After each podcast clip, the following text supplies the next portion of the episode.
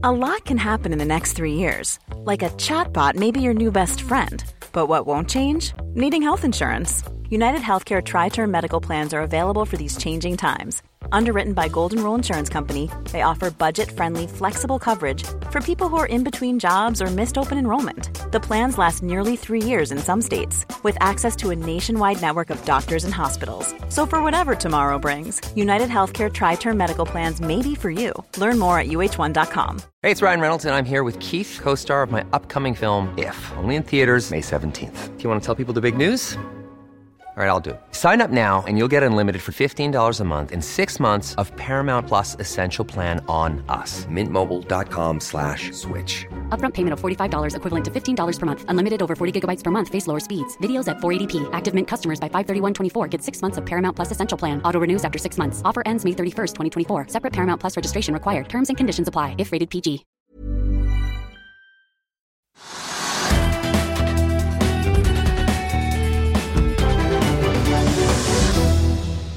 Velkommen til Økonominyhetene. Det er blitt fredag 26. mai. Det ble all time high på flere områder i konsulentselskapet Bouvet i første kvartal. Vi har med oss administrerende direktør Per Gunnar Tronsli i selskapet. Vi har også tatt en prat med to NHO-studenter, Erlend Ramberg og Balter Belsvik, som har skrevet masteromgave om de norske skatteflyktningene.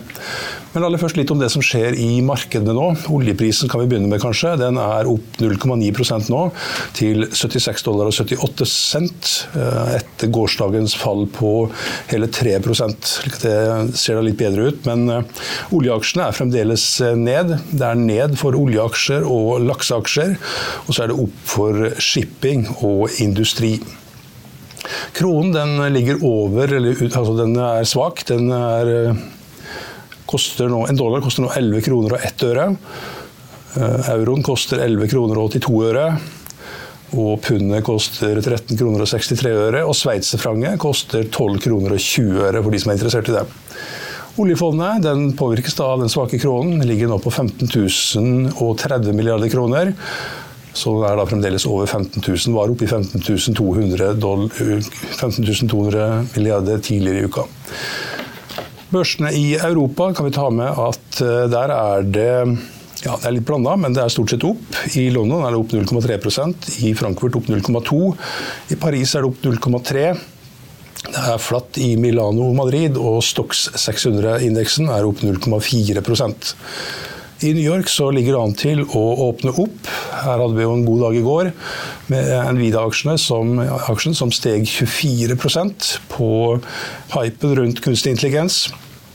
Bidro også til oss å heve Nasdaq med 1,7 i går. I dag ligger det an til at Dow Jones åpner, 0,5, åpner opp 0,15 SMP 500, som steg 0,9 i går, ser ut til å åpne opp 0,2% Og Nasdaq ser ut til å åpne opp 0,3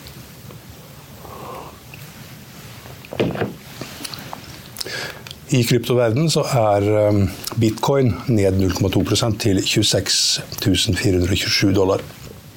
Som nevnt så er det ned i olje og laks og opp i shipping og industri. Lakseaksjene korrigerer ned etter gårsdagens rally i kjølvannet av enigheten om lakseskatten på Stortinget, og DNB Markets har oppjustert kursmålene. Analysesjef eh, Alexander Aukner i DNB Markets han har oppjustert på stort sett alle, men han har tatt ned anbefalingen på SalMar. Eh, han har heva kursmålet til 565 kroner fra 500, men har gått fra kjøp til hold. Eh, når det gjelder shipping, så påvirkes det nok at analysesjef Erik Håvaldsen i Pareto mener investorene er altfor pessimistiske til tank- og bilfraktaksjer. og Det bidrar til å sende mm, Frontline f.eks. opp 4,7% til 166 kroner og 60 øre. Og så kan vi ta med at MPC Containerships opp 2,5 til 115, unnskyld, 20 kroner og 88 øre. Og Høg Autoliners opp 3,8% til 63 kroner og 50 øre. Hafnia Shipping er opp 1,2% til 54 kroner og 5 øre.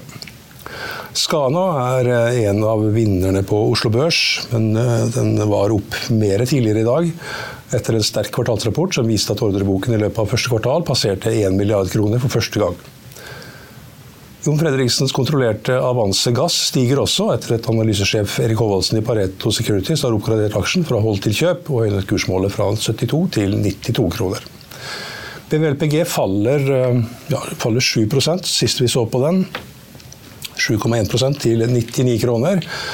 Og kommer da etter at, at ja, unnskyld, Den er da selvfølgelig justert for utbytte her, slik at den er da kanskje fremdeles litt opp da justert for det. Samtidig har finansdirektør Elaine Young sluttet på dagen for å forfølge interesser utenfor selskapet. EMGS faller eh, i kjølvannet av kvartalstallene som ble sluppet torsdag kveld. Kryptobørsen NBX faller tungt. Torsdag ettermiddag meldte NBX at investeringsgruppen LDA Capital hadde godtatt en puttavtale på 690 000 NBX-aksjer. Prisen er 1,45 kroner per aksje. Fredag er aksjen en av taperne på Oslo Børs, er ned 14,6% nå til 1 krone og 2 øre. Eh, og her kan jeg nevne at eh, Mandag ble det kjent at Spen Technology, danske, vil kjøpe kryptobørsen. og Nå skal de gå sammen på børs i USA. Tilbudet vil bli gjort opp med Spenn-aksjer med, med, et bytteforhold på 13 MBX-aksjer per eh, Spenn-aksje. Ikke akkurat børs, men Kjetting Jan han vurderer flytting etter et kanonår. Formuesskatten suger penger ut av bedriften, og det kan du lese mer om på finansavisen.no nå. Etter en kort pause har vi med oss administrerende direktør Per Gunnar Tronsli i Bouvet. Vil du bli oppdatert på det viktigste som har skjedd innen finans og næringsliv? Da er det bare å følge med, for hver morgen er jeg, Marius Lorentzen og aksjekommentator Karl Johan Malnes på plass i studio for å ta tempen på dagens marked i Børsmorgen. Og hver ettermiddag oppsummerer vi alt du trenger å vite i økonominyhetene, og det blir selvfølgelig masse interessante gjester. Klikk deg inn på fa.no-tv, eller søk opp Børsmorgen og Økonominyhetene der du hører på podkast. It's that time of the year. Your vacation is coming up. You can already hear the beach waves, feel the warm breeze, relax, and think about work. You really, really want it all to work out while you're away. Monday.com gives you and the team that peace of mind. When all work is on one platform and everyone's in sync, things just flow wherever you are. Tap the banner to go to Monday.com.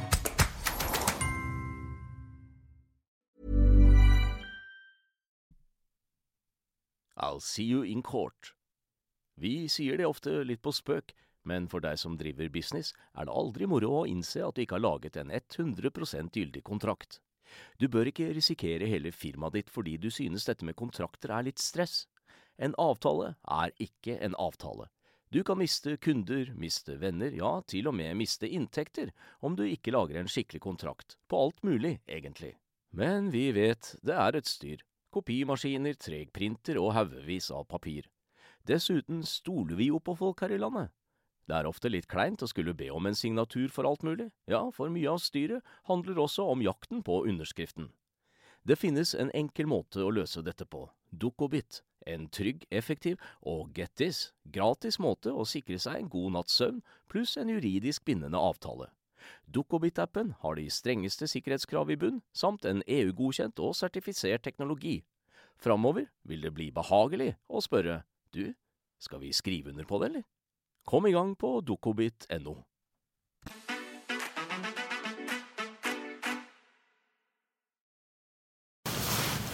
Ja, Da er vi tilbake, og da har vi med oss Per Guro Tronsli i Bouvet. Velkommen. Tusen takk. Det går så det griner i Bouvet om dagen. Og nå skal kanskje alle ha kunstig intelligens, og da blir det ville tilstander, da? Ja, det har gått bra lenge. Jeg tror det kommer til å gå bra lenge framover også. Så ja, vi har mye å gjøre. Eh, første kvartal var vel all time high på flere områder, både på omsetning og resultat. og Dere ble flere ansatte òg? Ja, ja, vi, ja, det var all time high på omsetning og resultat. Og så eh, fikk vi i kvartalet, fra forrige kvartal, så fikk vi jo hele 70 nye medarbeidere, altså netto. Ehm, og de siste tolv månedene så har vi jo vokst med over 230 mennesker. Så, så det er vi veldig glad for. Og alle fakturerer? Nesten alle fakturerer, men uh, vi har jo veldig bruk for det. Vi har jo store oppgaver sammen med kundene våre, så, så, vi har mye å gjøre. Jeg var inne på her at kunstig intelligens er kanskje det skiftet som uh, er på alles lepper om dagen. Um, har du opplevd noe tilsvarende noen gang? Uh, nei, det må vel være da internett kom, kanskje. Ja. Noe sånt.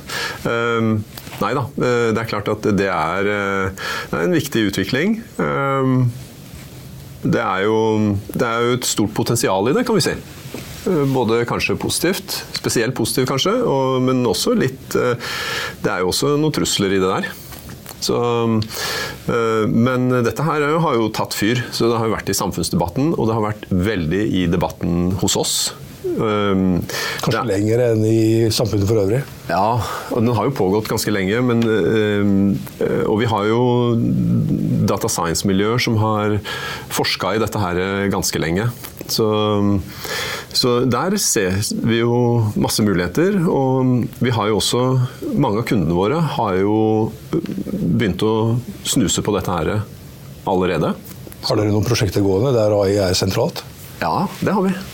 Det har vi. Så, kan du si litt om det, eller? Nei, det har jeg ikke lyst til å si noe om. For det er jo, da det gjelder generativ KI, som er eh, Det er jo nytt. og da kundene går inn i det nå, så handler det jo mer om å forstå mulighetene i det.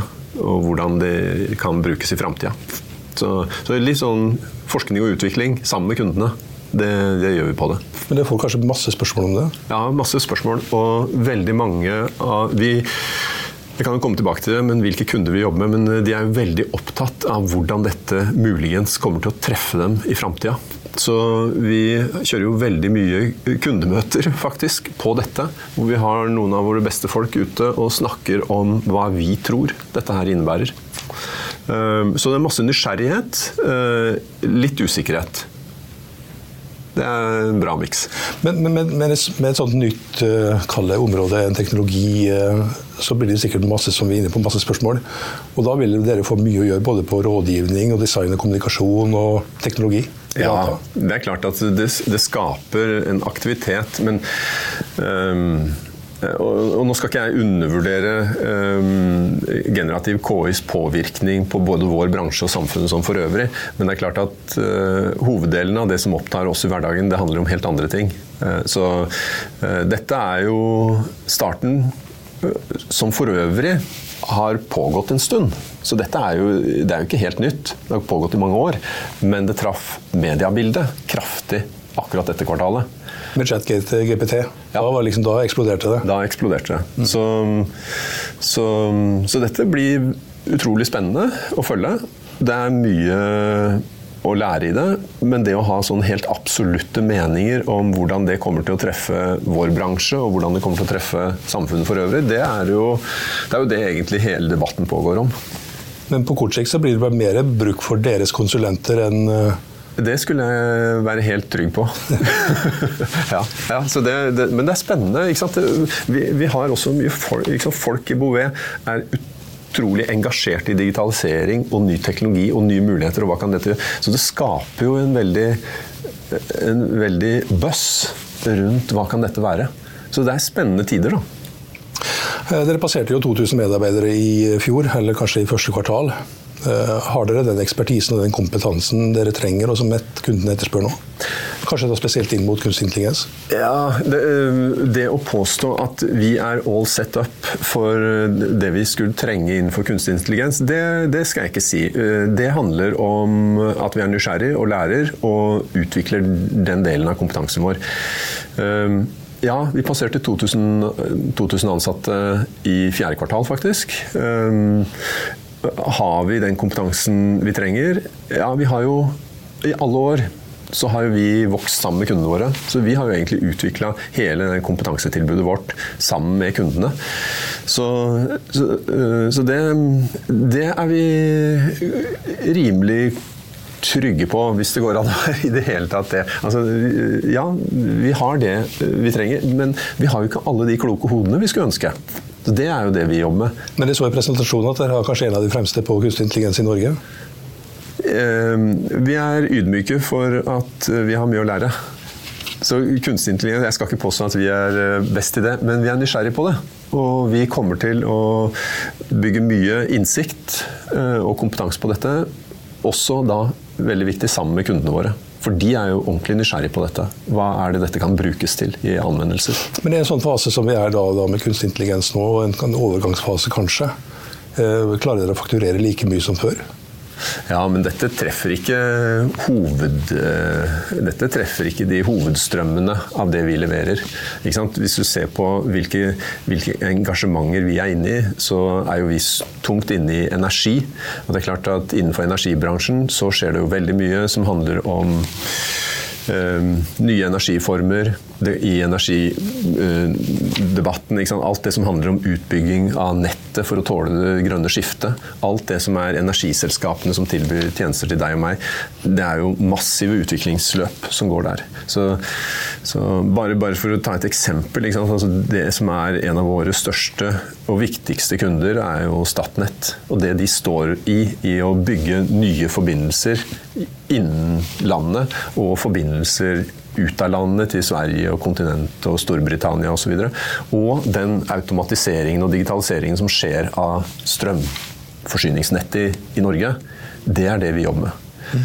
Så, og det er jo det som opptar oss. For øvrig så har jo eh, kunstig intelligens også en rolle inne i de nettene, som etter hvert blir så komplekse at eh, de er vanskelig å håndtere manuelt.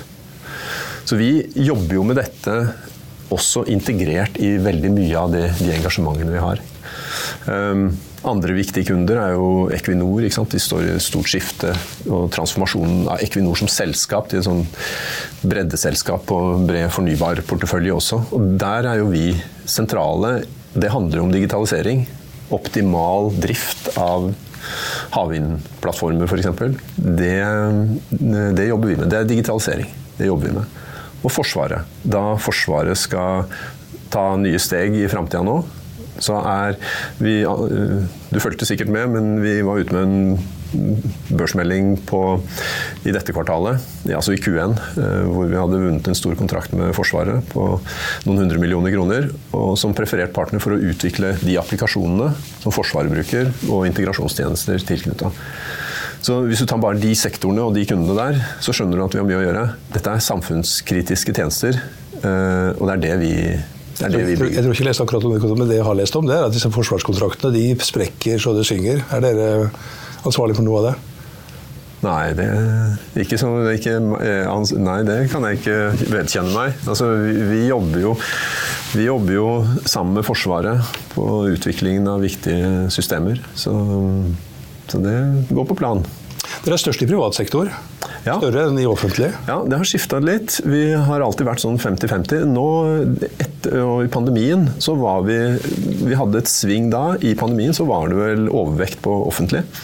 Eh, Etter pandemien så har vi hatt en jevn utvikling og, og mer positiv utvikling på privat. Er det energi, energi som Ja, eh, energi drar? som trekker.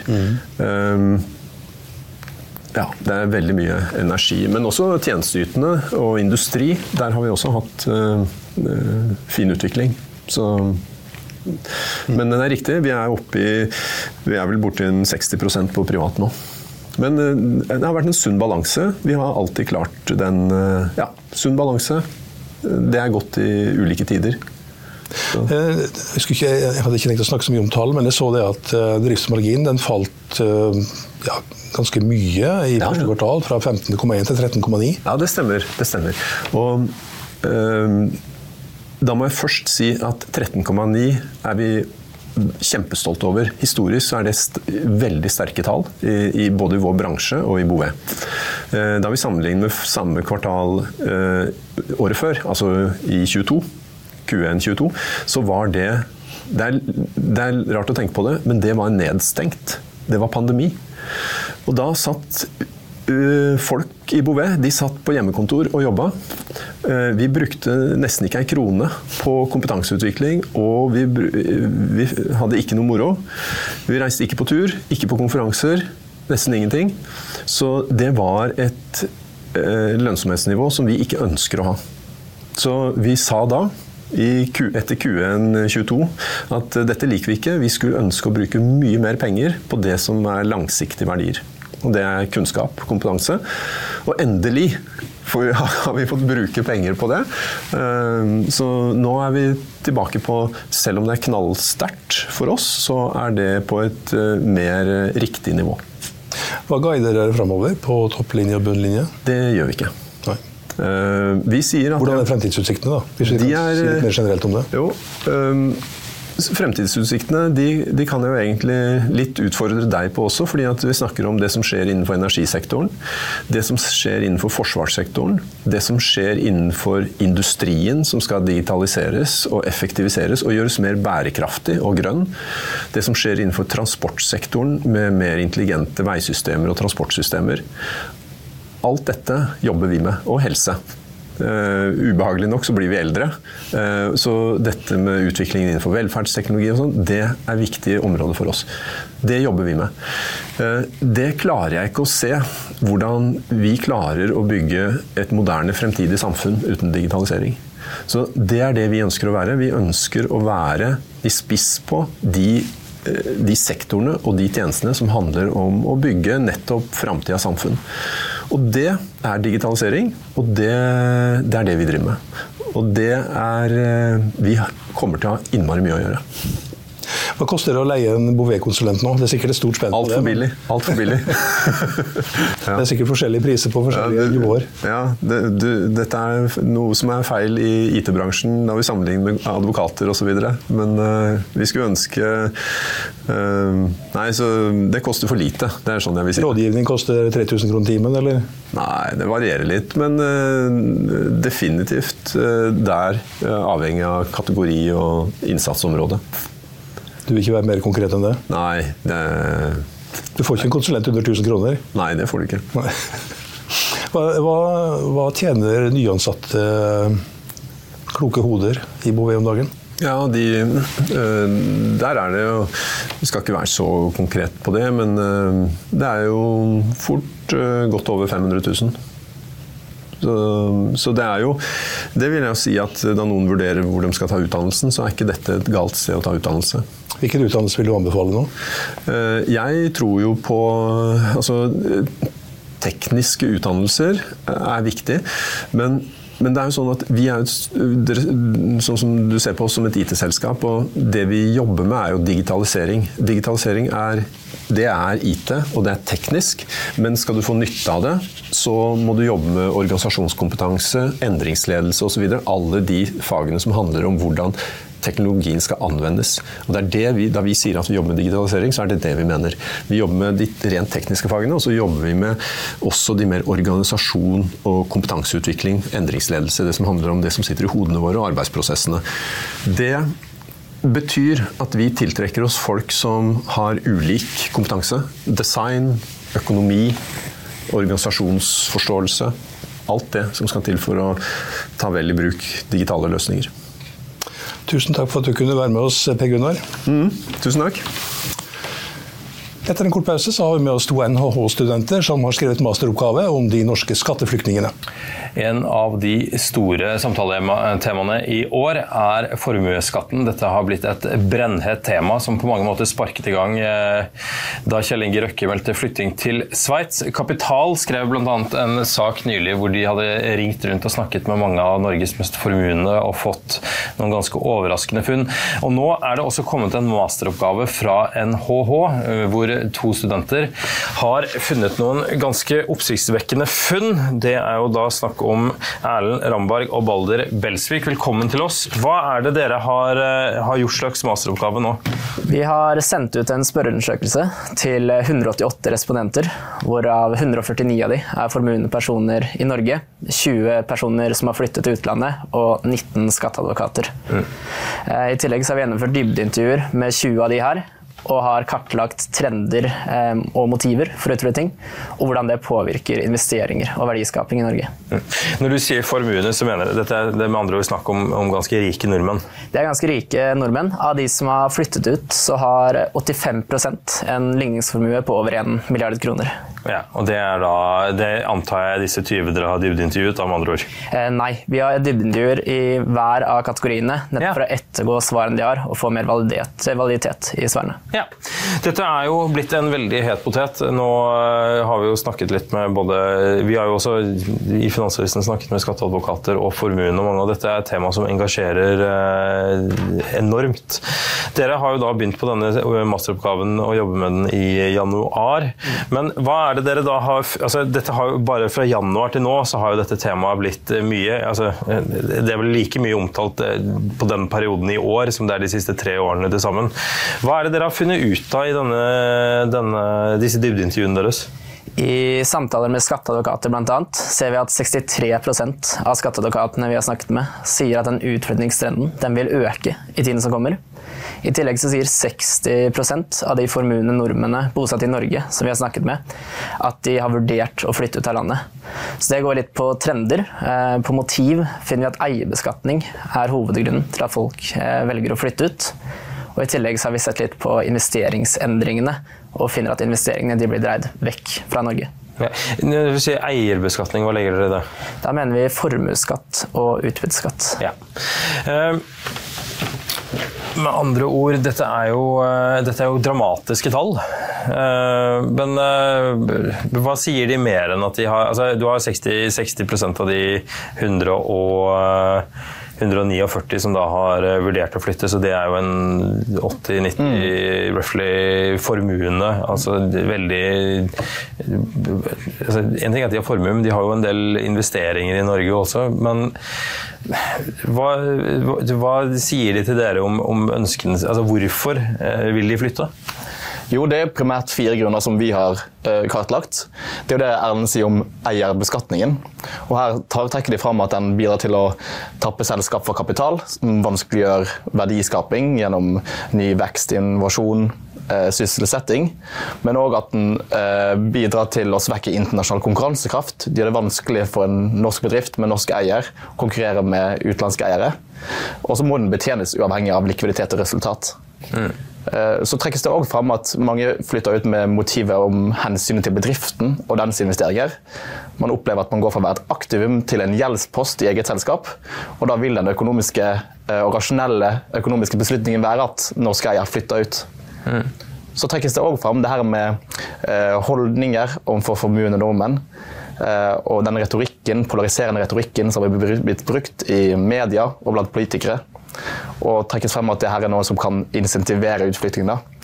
Men det er jo en sammensatt prosess det med å flytte ut, så det er nok flere faktorer som sammen eh, er bakgrunnen for at disse formuene har valgt å flytte ut. Mm. Eh, hva gjør dette med investeringsviljen?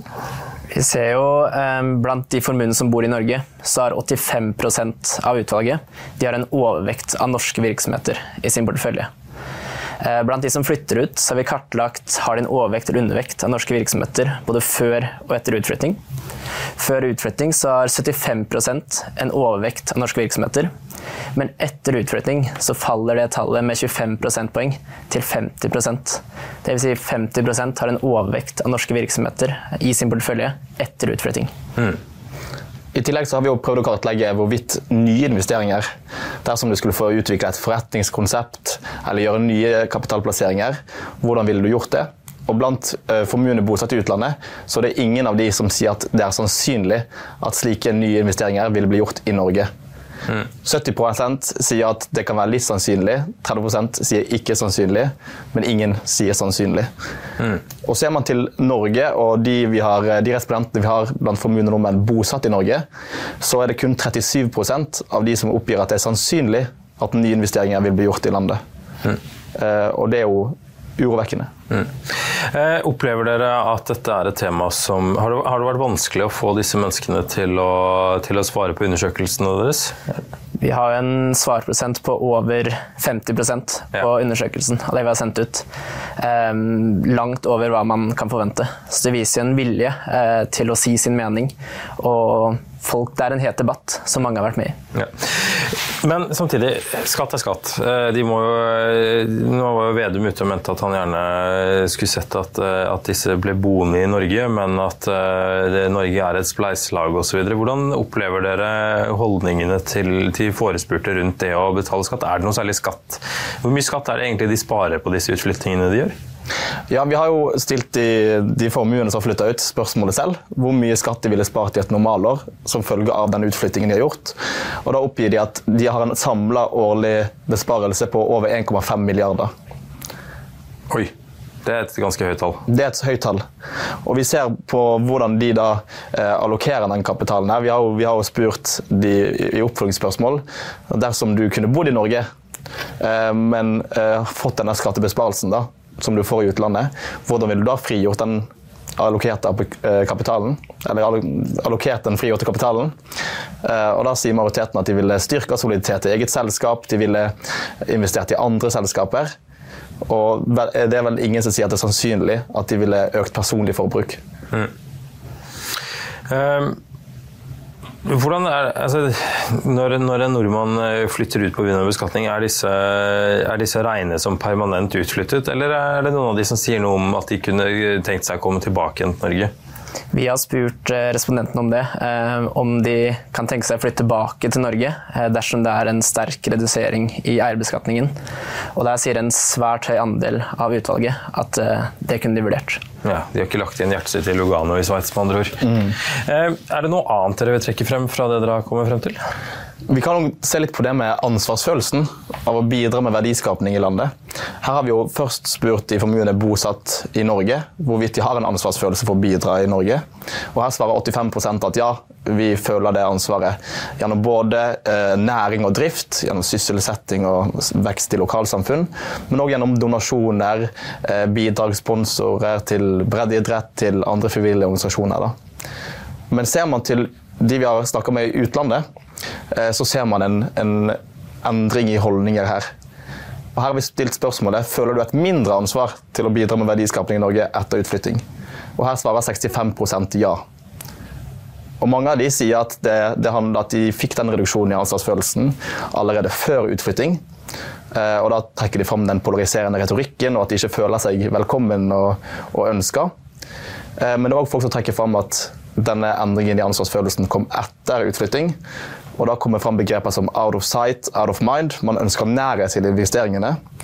Og når man flytter til et annet land, så blir man en del av en ny næringsklynge og kan høste frukter av, av de nye markedene man, man, deltar i. Er det noen av de som har sagt noe om at de ønsker å investere i Sveits istedenfor f.eks.? At de putter pengene sine der? Vi har ikke kartlagt spesifikt eh, hvor kapitalen går hen, så det er ikke noe vi kan si noe mer om. Nei, jeg skjønner.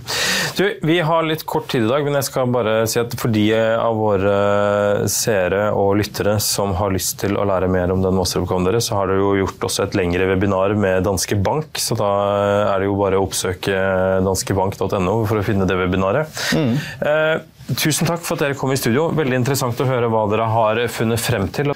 I Finansavisen i morgen kan du lese Trygve Egners leder om eh, Erling Braut Haaland, om papirprinsen Geir Drangsland, den ukjente aksjeboblen, ukens aksje, innsideporteføljen, makro og skatt, og ikke minst eh, Motormagasinet. Det var økonominyhetene her på Finansavisen fredag 26. mai. Vi er tilbake igjen her med Børsmorgen på tirsdag klokken 8.55.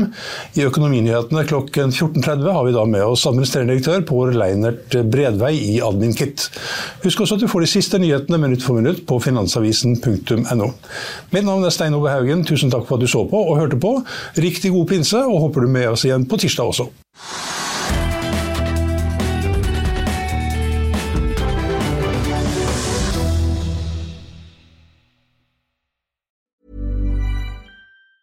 Planning for your next trip? Elevate your travel style with Quince. Quince has all the jet setting essentials you'll want for your next getaway, like European linen, premium luggage options, buttery soft Italian leather bags, and so much more. And it's all priced at 50 to 80% less than similar brands. Plus, Quince only works with factories that use safe and ethical manufacturing practices. Pack your bags with high-quality essentials you'll be wearing for vacations to come with Quince. Go to quince.com slash trip for free shipping and 365-day returns. Økonominyhetene er en podkast fra Finansavisen. Programledere er Marius Lorentzen, Stein Ove Haugen og Benedikte Storm Bamvik. Produsenter er Lars Brenden Skram og Bashar Johar. Og ansvarlig redaktør er Trygve Hegnar.